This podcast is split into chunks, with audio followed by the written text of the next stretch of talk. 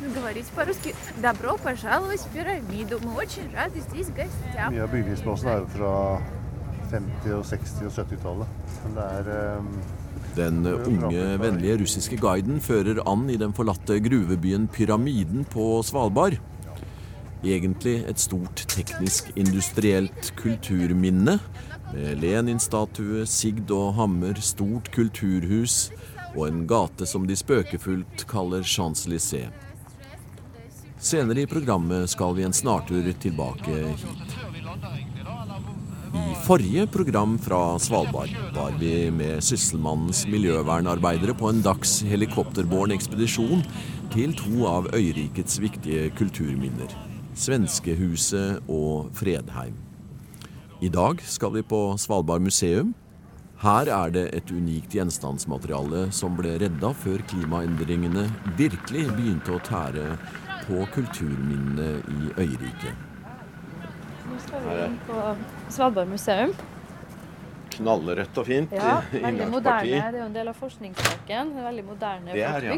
Så vær så god, velkommen. Det er veldig fine fasiliteter. Både for besøkende og for vi som jobber med materialet. Oi, her var det lunt og varmt og, og godt. Det var godt å komme inn i varmen etter Ja. feltarbeidet. Etter å ha vært ute her er det jo et stort kart. Selvfølgelig. Arkeolog og rådgiver hos uh, Sysselmannen Lise Loktu og konservator Sander Solås skal gi oss eh, litt innføring i Svalbard-historie, og vi skal opp i magasinene der det virkelig er skjelett i skapene. Men som eh, praksis er mange steder på Svalbard, man må ta av seg skoa. Så her har vi Det er noe en må venne seg til når en skal på Ja. Og som er litt nytt for meg ennå, sånn da. litt uh, uvant. Litt. Jeg leta etter skoene mine til morgenen i dag på hotellrommet. De var jo ikke der. var ikke der. Hva slags type kulturminner eh, finner vi på Svalbard? Det er jo, det er jo graver fra, fra folk som har begravd hverandre fordi man ikke kunne frakte dem hjem. Det er jo eh, installasjoner etter, etter, etter hvalfangstvirksomhet. Eh, fangsthytter fra russiske og norske fangstmenn som har vært oppe og fangstet. Men det mest eh, spennende eh, er jo det at de, de er jo så godt holdt. De er godt bevart pga. klimaet som har vært tørt og kaldt gjennom mange hundre år. De, de, de kommer jo til vestkysten. Det er den som er isfri, eh, og, og, og, det er den som har hatt mest menneskelig aktivitet. Hva- Hvalfangstperioden er jo veldig konsentrert i området Nordvest-Spitsbergen helt oppe i nord her. eh, Og også nedover mot sør her. Um, men russisk fangst er over hele Svalbard, for så vidt. Eh, Men også de samme områdene som kanskje mest da, da som bemerker seg. Og så må vi ikke glemme Bjørnøya, som er også en del av forvaltningsområdet. Eh, også veldig mye kulturminner fra russisk fangst og norsk fangst, og også gruvedrift. Hvor gamle er de eldste funnene dere har gjort? Ja, Den første menneskelige kjente aktiviteten er jo fra de to nederlandske skipene som, som, som, som kom opp hit i, i 1596. De ville finne veien østover, og, men endte opp her og kom ikke lenger. Men eh, hva gjorde de her da? De eh, så jo at her var det land som de ikke visste om før. De så her var det hval og hvalross og sel. eh, Og, og det var det de, den kunnskapen de tok med seg hjem. Og det førte da til at det kom flere skip og flere hit for å for å fange hvalen på land og, og, og ta ut det kostbare fettet, spekket fra hvalen. Og han ene het Barents. I Barents var om bord i et av skipene og var på en måte skriver. Eh, og og han, han, han noterte historien ja, og, og har fått æren for oppdagelsen. Men han var ikke kaptein på Men han var han, han som, som skrev notatene, ja. For han ga det vel navnet Spitsbergen, ettersom det var eh, Han så fjellene her. Men, eh, men Svalbard, eller lignende navn, er jo i skrifter langt tilbake. Ja, da, da må vi jo tilbake til sagaen. Og eh, det er jo da uklart om det er denne øygruppen de fant. Men eh, senere, når Svalbard ble norsk, så var vi jo Her snakker vi om 1920. I en periode hvor nasjonalismen sto sterkt. Vi var frie fra svenskene i 1905. Man hentet da eh, navn tilbake fra vikingtid. Man skulle, man skulle fornorske Norge på en måte.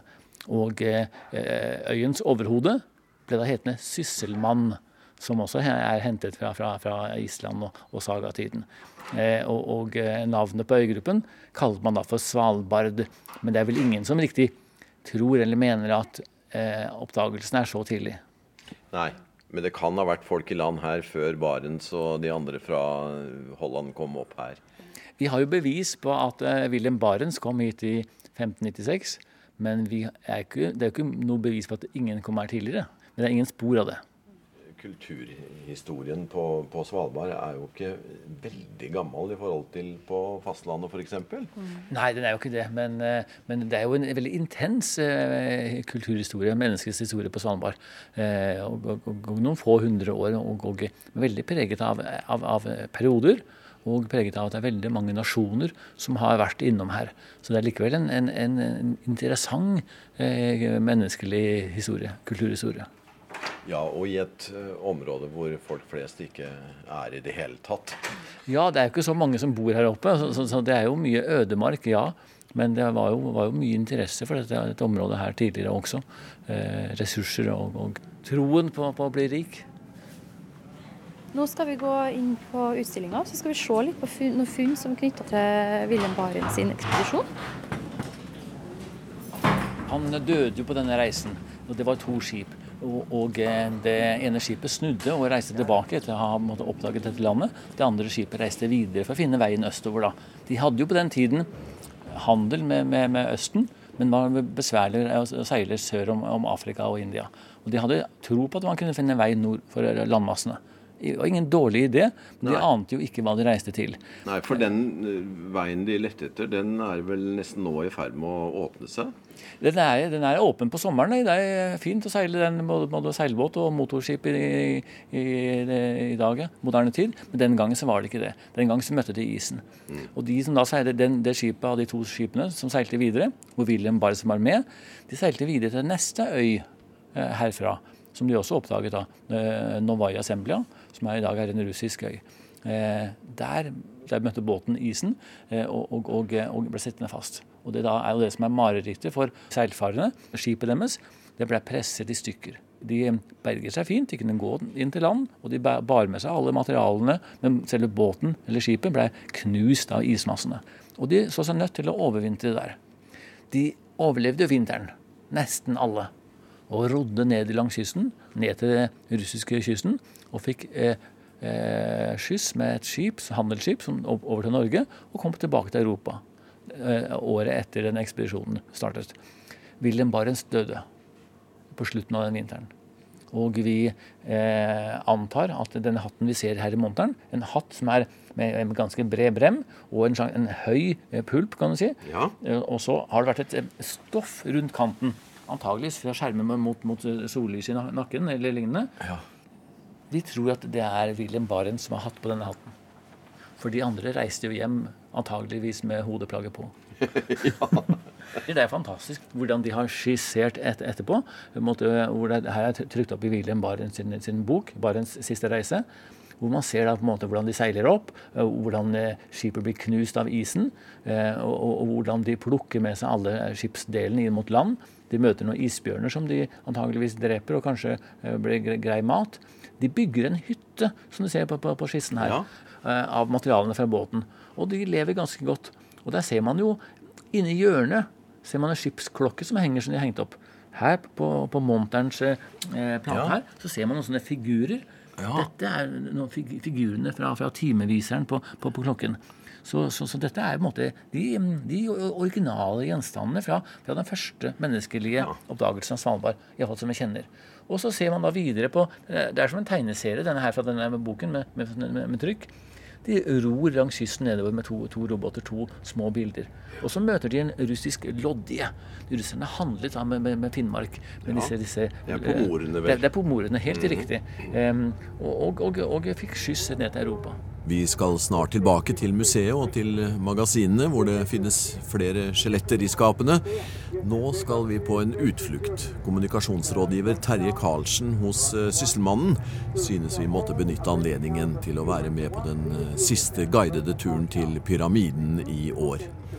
Det foregår med hurtigbåt fra Longyearbyen, nordover Isfjorden og inn Billefjorden, hvor en får et fantastisk nærskue av Nordenskjøldbreen før båten legger til ved det nedlagte russiske gruvesamfunnet.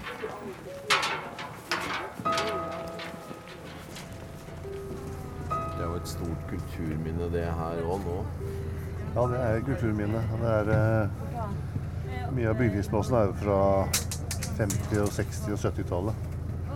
Men det er eh, Det ble jo fraflytta i 1998. Og siden så lå det lå jo lenge, lenge ubebodd, men nå er det noen som bor her og legger til rette for uh, turisme. Og vi har jo åpna hotellet bl.a. som heter eh, Hotell Tulipan. Og det er et fint uh, navn på en uh, hotell i Arktis. Ja. Nå ser vi bort på breen som vi nettopp har, har vært helt inntil. Ja, Det er Nordensjølbreen som ligger på den andre siden her. og den, Det er en fantastisk beliggenhet pyramiden har, med, med utsikt eh, den veien. Så det er må si at de alle, alle byene på Svalbard, og det er ikke så mange, men den har desidert finest beliggenhet, syns jeg. Ja. This big building, it's cultural house and sport hall on the same time. Yeah. Uh, sport hall. there are fields for volleyball, football, uh, music classes, dance class, uh, concert hall, cinema salon. Yeah. So you will see because we are going in this building. Det er rart å være på et sånt og så komme inn i noe sivilisert.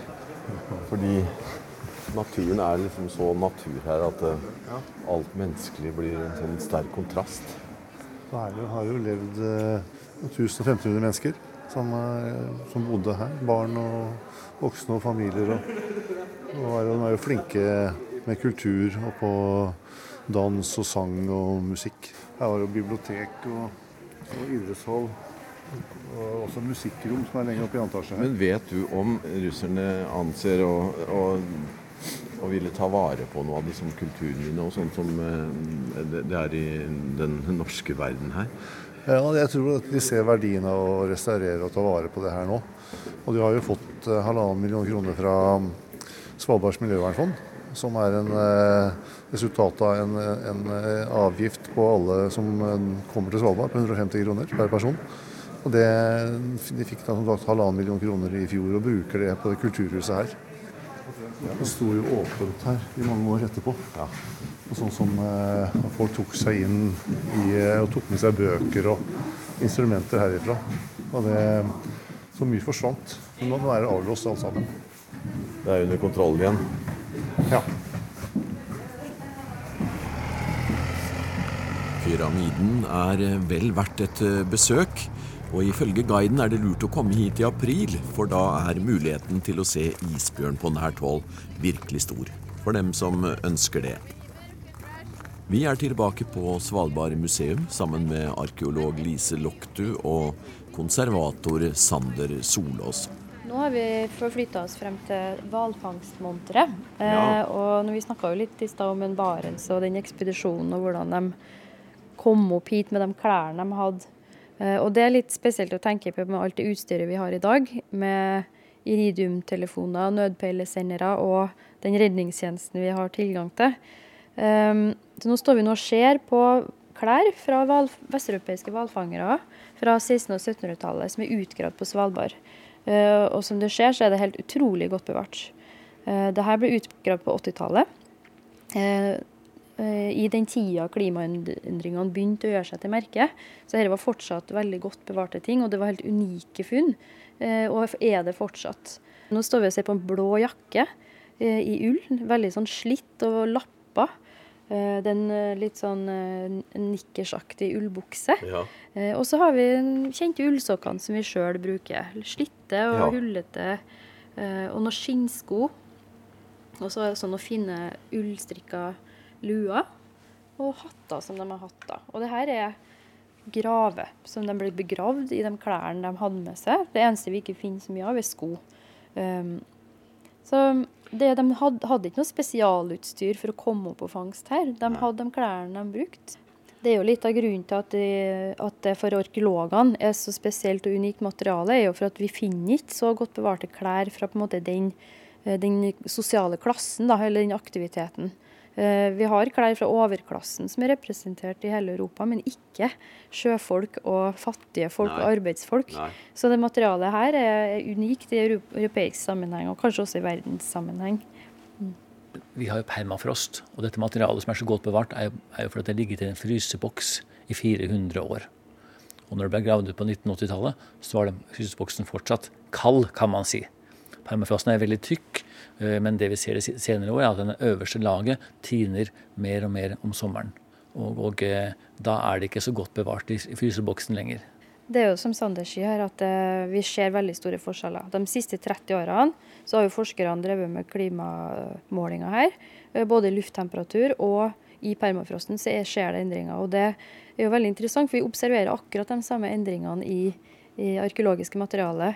Um, for siden 80-tallet så har det ikke vært gjort så veldig mange utgravinger. Fordi man tenkte at okay, har, nå har vi samla inn ganske mye, nå har vi lært mye nytt. Uh, men så tenkte man at uh, vi gjør ikke så mye mer. Eh, men pga. erosjon så har man de siste årene tatt opp den aktiviteten. Så vi har gjort utgravinger på Bjørnøya i 2015, på Likneset i 2016 og på Smerenburg i 2017. Eh, og det vi ser der, er jo at det er jo ikke noe igjen av tekstilene. Eh, også skjelettene er i nedbrytningsfase, men det er fortsatt skjeletter bevart. Og spesielt på Likneset så skal vi gå opp og se et eksempel fra funn fra akkurat det samme gravstedet fra 1986. Eh, og 2016, nøyaktig 30 år etterpå. Ja. Eh, så dere jo, har eksempler på det? Ja. ja, vi har det. Så vi skal få se hva vi er bekymra for. For det vi er redd for, er jo at eh, den, den situasjonen vi hadde på 80-tallet, er jo borte, sannsynligvis. Vi vil ikke komme tilbake dit. Og det betyr jo, Sånn er det, men det betyr også at vi må ta noen valg i forhold til hvordan vi forvalter dette. her. Og vi ønsker ikke å samle inn masse skjeletter. Eh, fordi at de er trua av erosjon. For det er også veldig mange etiske problemstillinger til det her. Men vi vil vite hva er det vi kanskje bør finne ut mer om før det er for seint. For om 20 år, 30 år så vil kanskje også skjelettene begynne å brytes ned og forsvinne. Da. Så det er jo ikke bare flotte funn, det er også en kilde til kunnskap som vi nå kan miste. da.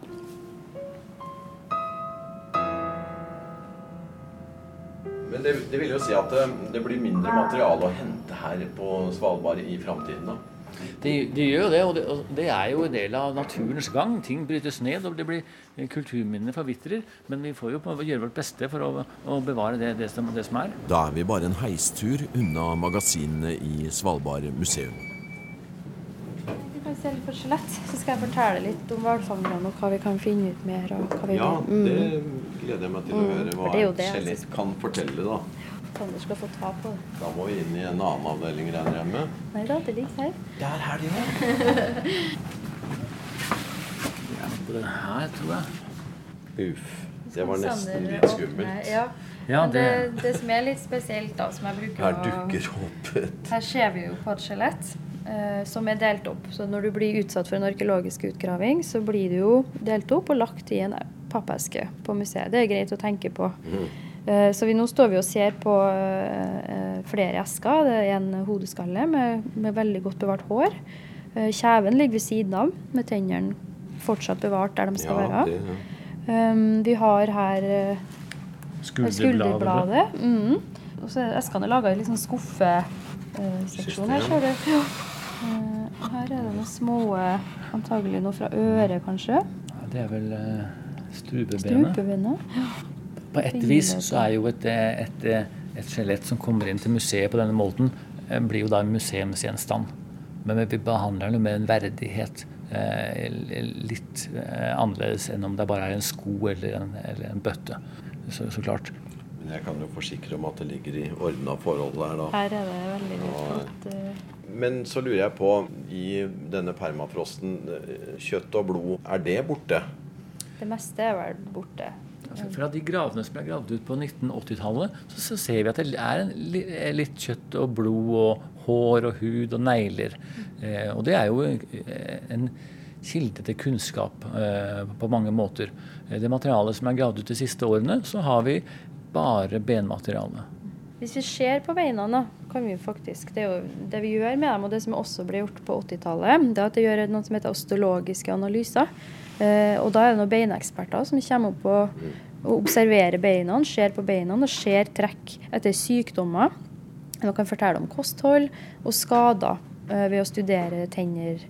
Eh, så det vi vet fra før om hvalfangerne, at det er, her er jo veldig unge ofte veldig unge gutter, og det er nesten bare menn som er på en måte kjønnsbestemt av dem vi har funnet. De har ofte veldig mye spor etter skjørbuk. Og det ser vi. Skjørbuk er en sykdom som gir på en måte indre blødninger.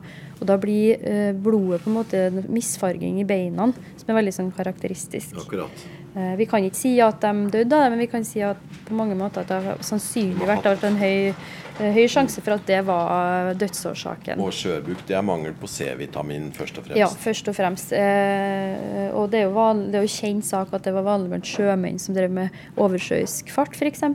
Eh, og vi ser det også veldig mye på Svalbard. Nesten alle skjelettene har spor etter eh, jeg tror 70-80% har spor etter skjørbuk. Um, en annen ting er at uh, de har, um, har ofte spor etter krittpiper mellom tennene. For krittpipe ja. er jo en leirpipe. Ja. Den sliter veldig på tenne, ja. tanna. Ja. Så noen skjeletter har faktisk et hull. Flere plasser kan de ha det, der de satt pipa Uh, og når det ble for vondt der, så flytta de den sikkert bare ja, videre. Så det, ja, så det er også veldig sånn, et funn som er ganske vanlig i denne type sånn sjømenn, hvalfangstgruppa, uh, hvis vi kan kalle det det. Uh, men det vi i tillegg gjør nå, som vi ikke hadde mulighet til på 80-tallet, det er at vi bruker DNA og isotopanalyser.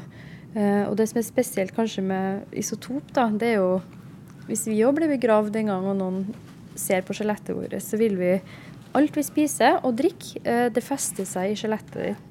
Så hvis du har vært på Svalbard og spist mat fra Svalbard og drukket vannet her, så vil det være synlig i skjelettet ditt. Eh, så vi bruker isotopanalyser nå for å se eh, hvor de kom fra. Mer, vi vet jo at det var vesteuropeiske nasjoner som drev med det her. Har egentlig ikke så god kontroll på hvem som brukte de ulike gravfeltene i over en så lang periode. Nei. Eh, så vi, veldig, vi, har lyst til å finne ut mer om personene. Hvor kom de fra? Hvem var de? Var de mange, alle engelske og nederlandske? Um, du kan se på kostholdet fra barnsbena. Man kan se om de har forflytta seg. Uh, og det er også noen som har gjort undersøkelser hvor de kan se at de har vært her flere ganger. Uh, vi har tatt ut uh, seks prøver til sammen som vi har sendt inn i år. og det, Vi har tatt DNA fordi vi ville bekrefte det antakelsen om at alle var menn. For det var noen vi ikke klarte å kjønnsbestemme ut fra å se på skjelettet. Ja. Eh, og dem er, er alle menn. Ja. Eh, og I tillegg så har vi tatt ut uh, isotopanalyser fra, fra de seks skjelettene, og dem venter vi fortsatt på svar på. Um, men det her er på en måte en begynnelse. Vi ønsker å se hva dette her kan fortelle oss. Kan det fortelle oss noe nytt? Uh, noe vi ikke kan se ut ifra skriftlige kilder eller uh, klærne og andre funn. Uh, så vi er veldig spent. Eh, det er veldig spennende. Eh, det siste jeg hørte, var vel at det var i hvert fall en som ikke var nederlandsk. Så jeg lurer jo kanskje en engelsk, vi vet ikke. Ehm, så det er noen resultater som kommer til å komme inn i den nærmeste måneden, håper jeg. Eh, og da vil vi også prøve å få publisert litt av de resultatene vi har kommet frem til. da.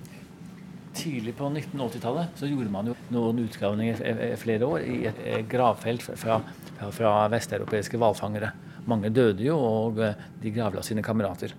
Og slik som man eh, ser i utstillingen, så er det man fant på 1980-tallet, veldig godt bevart. Det er noen få huller, kan du si, men, men, ellers er det som om det er dratt ut av bestemors loft. Ja, og Jeg har ikke noe greie på det, men eh, det er fint strikka. Ja, veldig fint strikka. Det er veldig fint strikket og, og, og, fine mønster. Men så ser man at det har vært huller og det har vært reparert. Og det er ikke så pent laget. Det er nok han hvalfangeren som, som, har måte, Kona hans har kanskje strikka sokkene, eller han, hans mor. Ja, Så han har måttet stoppe dem? Han har måttet reparere og stoppe dem selv. Og det, det ser ikke så elegant ut. Det er ganske spesielt. Hvor gammelt kan vi si det her er? Det her er 350 år gammelt. Ja. Eh, vi vet ikke eksakt dødsdagen alt jeg på å si, når de er begravet, men vi, vi, vi, kjenner jo epokene så godt ja. med aktivitet på Svalbard. Så vi, det her er 350 år, pluss minus 10 år. Så her ser vi ja, hvor, hvor, godt bevart eh, gjenstander som har ligget i permafrosten, er. Eh, altså. eh, fram til permafrosten var ennå så god at den var på en måte kald i løpet av sommeren også. Eh, de siste årene så har det øverste laget tint opp i en eh, lang sommersesong, og nedbrytning har foregått. Hvor stor er endringen nå? Vet dere ja, noe om det? Frosten er jo mange hundre meter tykk, men hver ja. sommer så tiner det øverste laget. Ja. Eh, og, og, Hvor mye omtrent da? Ja, For 20-30 år siden så snakket man om mellom en halv meter og 70 cm. Ja. Og det var bare kanskje en uke eller to i løpet av sommeren. Nå tiner ned til kanskje en meter eller en halv meter i kanskje to måneder. Ja. Og da får du en helt annen nedbrytningsprosess i gang. Det er verre, selvfølgelig. Og, og eh, fra, fra, fra ja, de, de, seneste årene så ser vi her ganske tilsvarende strømpe. Eh, eh, og, og fra tre graver så var det bare én grav hvor vi fant tekstiler. Og det var det, det her kun det eneste vi fant. Alt andre var borte. Har gått over til jord med mesteparten av det. Ja. Det er jo det som, er, det som vi ser. Som vi, vi, kan jo, vi kan jo på en måte ikke vite at det her skjer overalt, men det vi ser på Likneset, eh, er jo det akkurat samme gravfeltet. De gravene som er utgravd, ligger bare noen meter unna hverandre, så vi har et veldig godt sammenligningsgrunnlag. Eh, Og med den eh, kunnskapen vi har fra klimaforskninga nå, eh, temperaturøkninga i permafrosten og i lufta, eh, så er jo selvfølgelig vår hypotese at dette henger veldig sammen. Eh, Vi kan på en måte bekrefte ved å observere det arkeologiske materialet. Så det er, det er litt trist.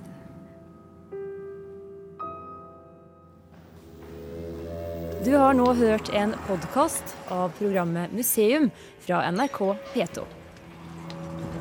Og send gjerne en e-post til museum krøllalfa nrk.no.